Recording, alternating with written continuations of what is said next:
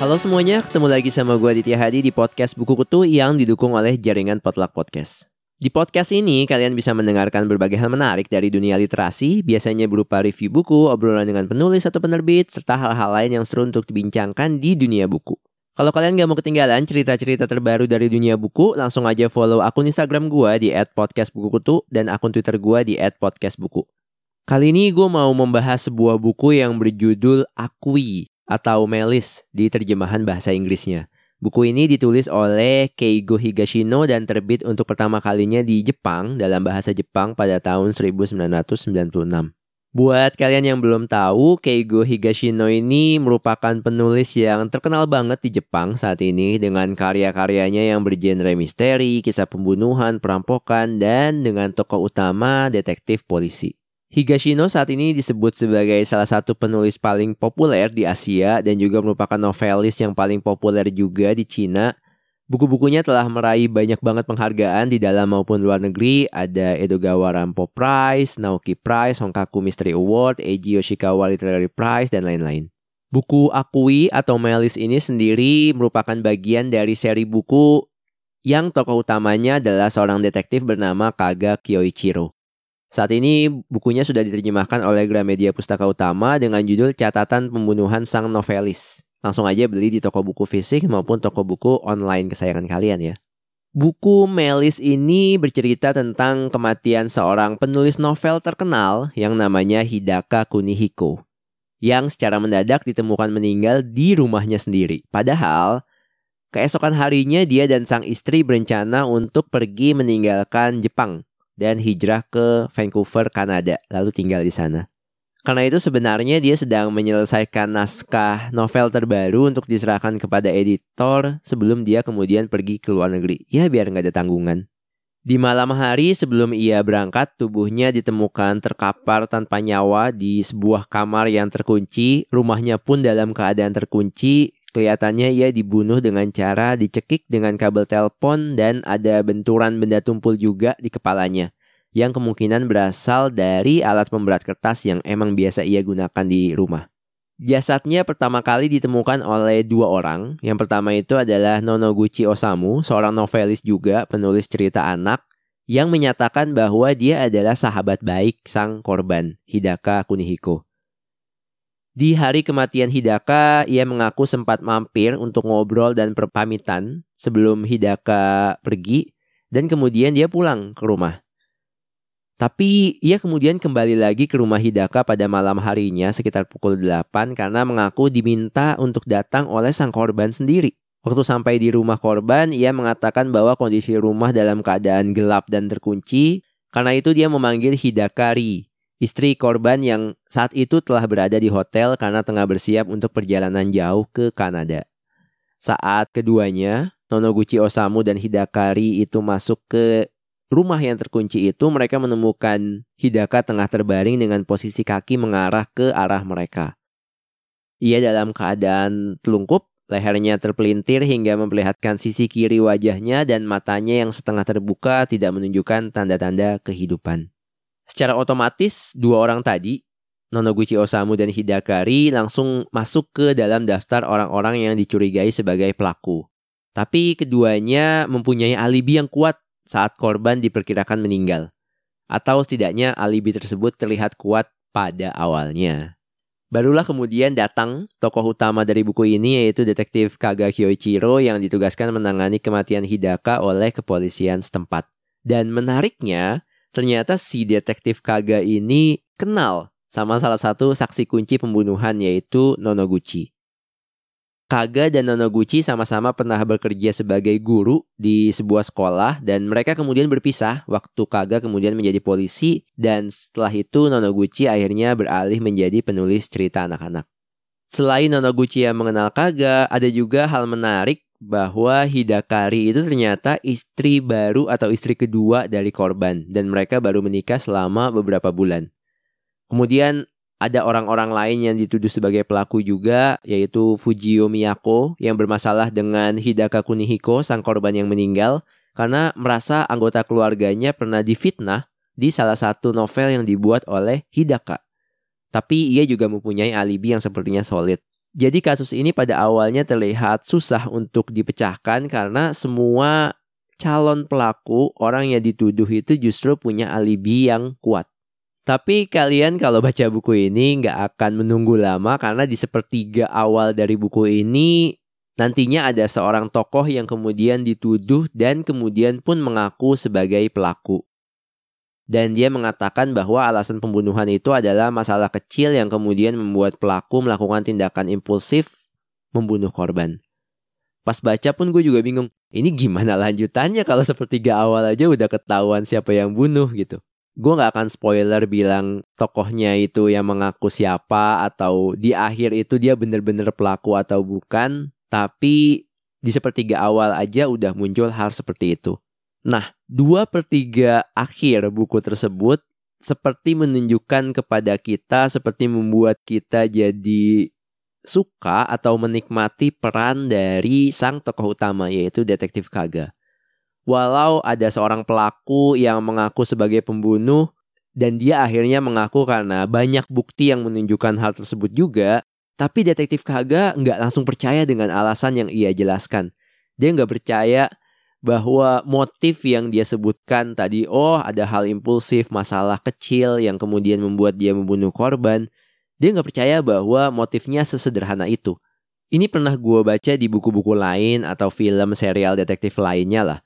Ada orang yang mengaku bersalah untuk melindungi orang lain misalnya.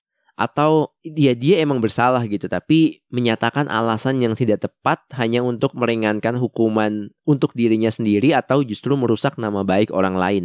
Kayaknya salah satu episode di serial dokumenter kriminal yang suka gue tonton yang judulnya Forensic Files juga ada yang mengangkat kasus seperti itu gitu. Jadi ada orang yang ngaku tapi sebenarnya bukan dia atau dia pakai alasan yang dibuat-buat. Karena itu detektif Kaga ini berusaha menyelidiki lebih dalam hal tersebut walau sebenarnya dia itu sama atasannya sudah dilarang. Ya karena buat apa lagi gitu, udah ada yang ngaku kasusnya kan bisa dianggap selesai dan mereka bisa fokus ke kasus-kasus baru yang muncul. Tapi detektif Kaga ini tetap kekeh, tetap teguh untuk nggak gue mau terus menyelidiki kasus ini dia kayak nggak bisa berhenti penasaran untuk mengetahui ini sebenarnya apa yang melatar belakangi kejadian ini hingga bisa muncul. Dan di dua per tiga akhir buku tersebut kita diajak untuk mengikuti perjalanan penyelidikan sang detektif Kaga dan ya gue lihat juga banyak orang yang marah-marah karena merasa tertipu dengan twist-twist yang muncul atau mungkin tertipu atau nggak suka dengan ending yang dibuat. Lebih lengkapnya kalian langsung baca sendiri aja bukunya dan gue akan jelasin review lengkap gue terhadap buku ini di segmen kedua.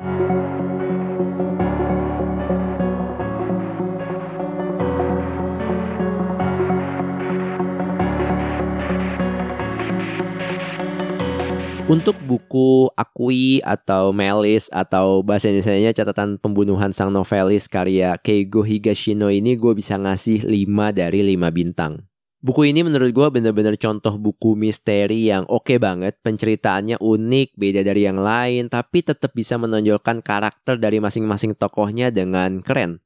Selain itu twist-twistnya juga luar biasa gitu. Mirip dengan buku The Wife Between Us karya Greer Hendrick dan Sarah Pekanen yang kalau kalian dengerin episode 2 dari podcast ini, itu gue cerita tentang buku tersebut dan gue bilang bahwa isinya tuh plot twist melulu gitu. Nah, buku ini tuh juga sama gitu. Keigo Higashino ini membuat buku ini penuh dengan twist dan gue pribadi sebenarnya di tengah-tengah itu udah bisa nebak arahnya. Tapi tetap ada yang mengagetkan gue ketika menjelang akhir. Jadi siap-siap aja dengan twist-twist tersebut dan silahkan kalian menebak-nebak sendiri seiring kalian membaca buku ini akhirnya itu seperti apa. Lebih lengkapnya gue akan coba bahas satu-satu alasan kenapa gue suka buku ini. Yang pertama, sudut pandang yang digunakan itu oke okay banget. Unik banget, beda sama buku-buku misteri, detektif yang lainnya yang biasanya mengambil sudut pandang orang ketiga yang tahu segala hal. Walaupun mungkin mereka menutupi beberapa bagian sehingga terbangun suspense yang terus terbangun dan mencapai klimaks hingga akhir. Nah, kalau buku Akui atau Melis ini dia justru mengambil sudut pandang orang pertama. Tapi berganti-ganti. Awalnya dari sudut pandang Nonoguchi, kemudian ke detektif Kaga, kemudian ke Nonoguchi lagi, dan balik lagi, dan semacamnya. Mungkin buat kalian yang pernah baca buku karya penulis Jepang yang lain, yaitu Minato Kanae, yang judulnya Confessions atau Kokuhaku, ini juga penulis misteri lain dari Jepang yang gue suka juga. Bukunya juga banyak banget dapat penghargaan atau masuk nominasi penghargaan yang bergengsi. Nah, kedua buku ini menggunakan sudut pandang yang menurut gue mirip. Jadi dari sudut pandang orang pertama, dia ngomong kalau di kasusnya buku aku ini dia ngomongnya dengan gaya yang lebih kayak tulisan, bukan omongan verbal seperti di Confessions. Dan dari sudut pandang itu kita bisa lebih merasakan karakter dari tokoh-tokohnya itu sendiri gitu. Apa yang mereka rasakan saat ada kejadian A, apa yang ada di pikiran mereka saat ada kejadian B. Dan makin unik lagi karena mereka bahasanya itu bahasa tulisan. Jadi kayak yang dibuat detektif Kaga itu kayak laporan kepolisian, laporan kasus yang dibuat setelah terjadinya pembunuhan. Tapi ini gue ingetin nih, ini bukan spoiler tapi sedikit pengingat aja. Karena manusia itu kan tempatnya salah, tempatnya lupa, tempatnya bohong ya. Jadi jangan hilangkan unsur-unsur itu ketika kalian membaca apa yang disampaikan oleh para tokoh. Itu aja clue dari gue. Hal ini sudut pandang orang pertama yang berganti-ganti ini makin terasa menarik menjelang akhir. Ada adegan di mana detektif Kaga ini bertanya kepada banyak orang tentang sebuah kejadian atau seorang tokoh penting yang terlibat dan pernyataan mereka semua tuh dituliskan ke dalam novel ini. Jadi kayak kita lagi baca laporan polisi tentang sebuah kasus gitu kesannya. Ini mantep banget sih menurut gue ditambah emang susunannya itu dibuat sedemikian rupa sehingga suspensenya itu terus terbangun hingga akhir. Keren lah menurut gue. Hal kedua yang gue suka dari buku ini adalah karakter detektif Kaga yang menurut gue oke okay banget. Apa ya istilahnya? Lovable gitu lah.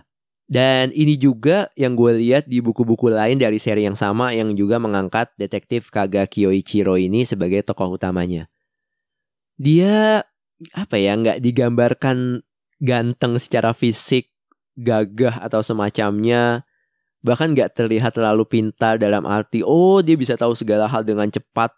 Tapi kemampuan deduksinya dipadukan dengan bagaimana hubungan dia dengan orang lain, interpersonal relation, bagaimana dia ngomong dengan orang lain, enggak dengan gaya yang sombong yang mungkin gue rasakan waktu gue baca kayak Detektif Conan atau Sherlock Holmes atau Cormoran Strike-nya Robert Galbraith gitu. Kaga Kyoichiro ini buat gue kayak tetangga sebelah rumah yang gaya ngobrolnya santai, gue bisa curhat sama dia tentang banyak hal, bahkan terkesan kayak detektif muda, detektif yang masih newbie, yang clueless gitu. Tapi di belakang layar dia melakukan deduksi terhadap fakta yang ada dengan cara yang baik. Apa yang kita katakan, bagaimana gestur kita, itu semua dianalisis sama dia. Pas ngobrol seolah-olah dia percaya aja semua kata-kata kita, iya iya aja. Tapi di belakang layar dia melakukan konfirmasi, ini bener gak sih yang diomongin sama orang ini?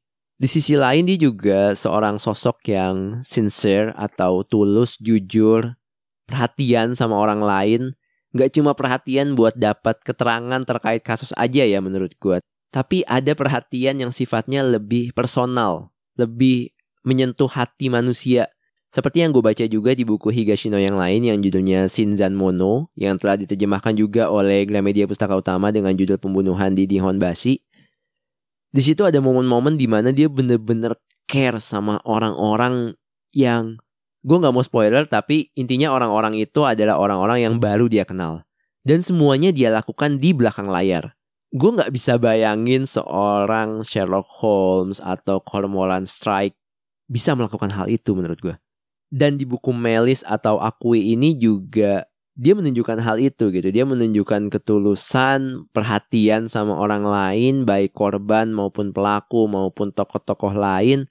Yang ini ditunjukkan dengan dia terus melanjutkan penyelidikan gitu. Padahal pelakunya udah ngaku. Hanya dengan alasan dia masih nggak percaya dengan alasan yang dikemukakan oleh orang yang mengaku ini. Walaupun atasannya juga udah ngelarang dia buat lanjutin penyelidikan, tapi dia tetap lanjutin karena dia mau membuka kebenaran, membuka tabir yang menutupi kasus pembunuhan ini gitu. Ini sih yang menurut gue membuat detektif Kaga Kyochiro ini menjadi sosok yang menarik banget dan gue berharap kalian bisa kenalan sih tanda kutip ya dengan sosok ini. Dan yang ketiga, buku ini tuh page turning banget, cepet banget pace-nya. Kalian bisa bolak-balik halaman dengan cepet. Bagaimana seorang Keigo Higashino menyusun buku ini tuh menarik banget ceritanya. Gak banyak penjelasan yang rumit, bahkan terasa kontras karena sebelum ini, belum lama ini gue juga baca bukunya J.K. Rowling alias Robert Galbraith dari seri Cormoran Strike. Buku ini tuh kayak antitesis sih, kayak kebalikan banget sama seri Cormoran Strike kayak Kukos Calling dan lain sebagainya. Buku ini tuh lebih ringkas, lebih simple, penjelasannya nggak rumit, Beda sama Kukos Calling dan lanjutan-lanjutannya yang penjelasannya lebih rumit, ada kisah asmara yang berusaha dibangun antara Kormoran dengan Robin, bla bla bla bla bla. Buku ini tuh beda banget. Detail-detail yang disebutkan di buku ini tuh hampir semuanya berhubungan dengan cerita. Mungkin itulah kenapa buku ini nggak begitu tebal, cuma sekitar 300 halaman. Coba kalian bandingkan dengan uh, bukunya seri Kormoran Strike yang mungkin bisa menyentuh 500 lebih halaman. Tapi walaupun begitu, buku Melis ini tetap diisi dengan pembangunan twist yang bisa mengecoh kita, sehingga banyak pembaca yang mungkin akan marah-marah di akhir karena merasa tertipu sama alur cerita yang dibangun sama sang penulis Keigo Higashino. Nggak ada adegan pembunuhan yang gore atau vulgar, ada darah-darah atau semacamnya, enggak. Jadi buku ini mungkin sama ya dengan banyak buku karya penulis Jepang yang lain, fokusnya itu ke pembentukan karakter, bagaimana pembangunan plot yang membuat twist-twist yang mengagetkan, dan fokus ke alasan dibalik terjadinya pembunuhan yang bisa kita lihat di awal cerita, yang menjadi inti dari buku ini. Dan semuanya menurut gue terasa sangat pas sih. I think that's it. Gue suka sudut pandang yang dipakai di buku ini. Gue suka sama karakter detektif Kaga. Gue suka bagaimana Keigo Higashino membuat buku ini ringkas, page turning, banyak pola jungkir balik, tebak-tebakan pembunuh dan semacamnya. Dan itulah kenapa gue berani buat ngasih bintang 5 untuk buku ini. Dan mengingat ini adalah buku Keigo Higashino yang pertama yang gue baca, buku ini akhirnya mendorong gue buat baca buku-bukunya yang lain Plus terjemahannya menurut gue juga oke. Okay. Shout out buat Faira Amadea, sang penerjemah dari buku ini untuk Gramedia Pustaka Utama. Tadi gue sebutin ada buku lainnya yaitu Pembunuhan di Nihonbashi atau judul aslinya itu adalah Shinzan Mono. Nanti mungkin akan gue bahas di episode lain dan saat ini juga sedang diterjemahkan atau akan diterbitkan buku lainnya yang berjudul Keajaiban Toko Kelontong Namiya atau judul aslinya Namiya Zakaten no Kiseki. Jadi silahkan kalian mulai dengan buku mana pun karya Keigo Higashino. Pola yang digunakan juga nggak jauh beda, jadi kalian mulai dari mana pun kayaknya nggak masalah. Dan siap-siap aja jatuh cinta dengan gayanya Keigo Higashino. I think that's all. Kalau kalian suka dengan konten podcast ini, jangan lupa buat klik tombol follow di Spotify atau bagi kalian yang berkenan mendukung podcast ini secara finansial, bisa tunjukkan dukungan kalian lewat karyakarsa.com garis miring podcast buku. karyakarsa.com garis miring PODCST BUKU. Di sana kalian bisa dukung gue lewat transfer OVO, GoPay, dan semacamnya. Thank you banget yang udah dukung ya. Kalau kalian punya rekomendasi buku untuk dibahas atau topik yang menarik, gue juga terbuka banget akan masukan dari kalian. Atau jika kalian adalah seorang penulis atau penerbit yang ingin berkolaborasi membuat konten yang menarik, jangan ragu juga untuk menghubungi gue lewat Instagram at podcast buku kutu Twitter at podcastbuku atau email ke podcastbukukutu at gmail.com. Jangan lupa juga untuk beri dukungan bagi jaringan Potluck Podcast. Caranya follow aja akun Instagram at Potluck Podcast. POD LCK, POD CST. I think that's all. Thank you for listening. See you and ciao.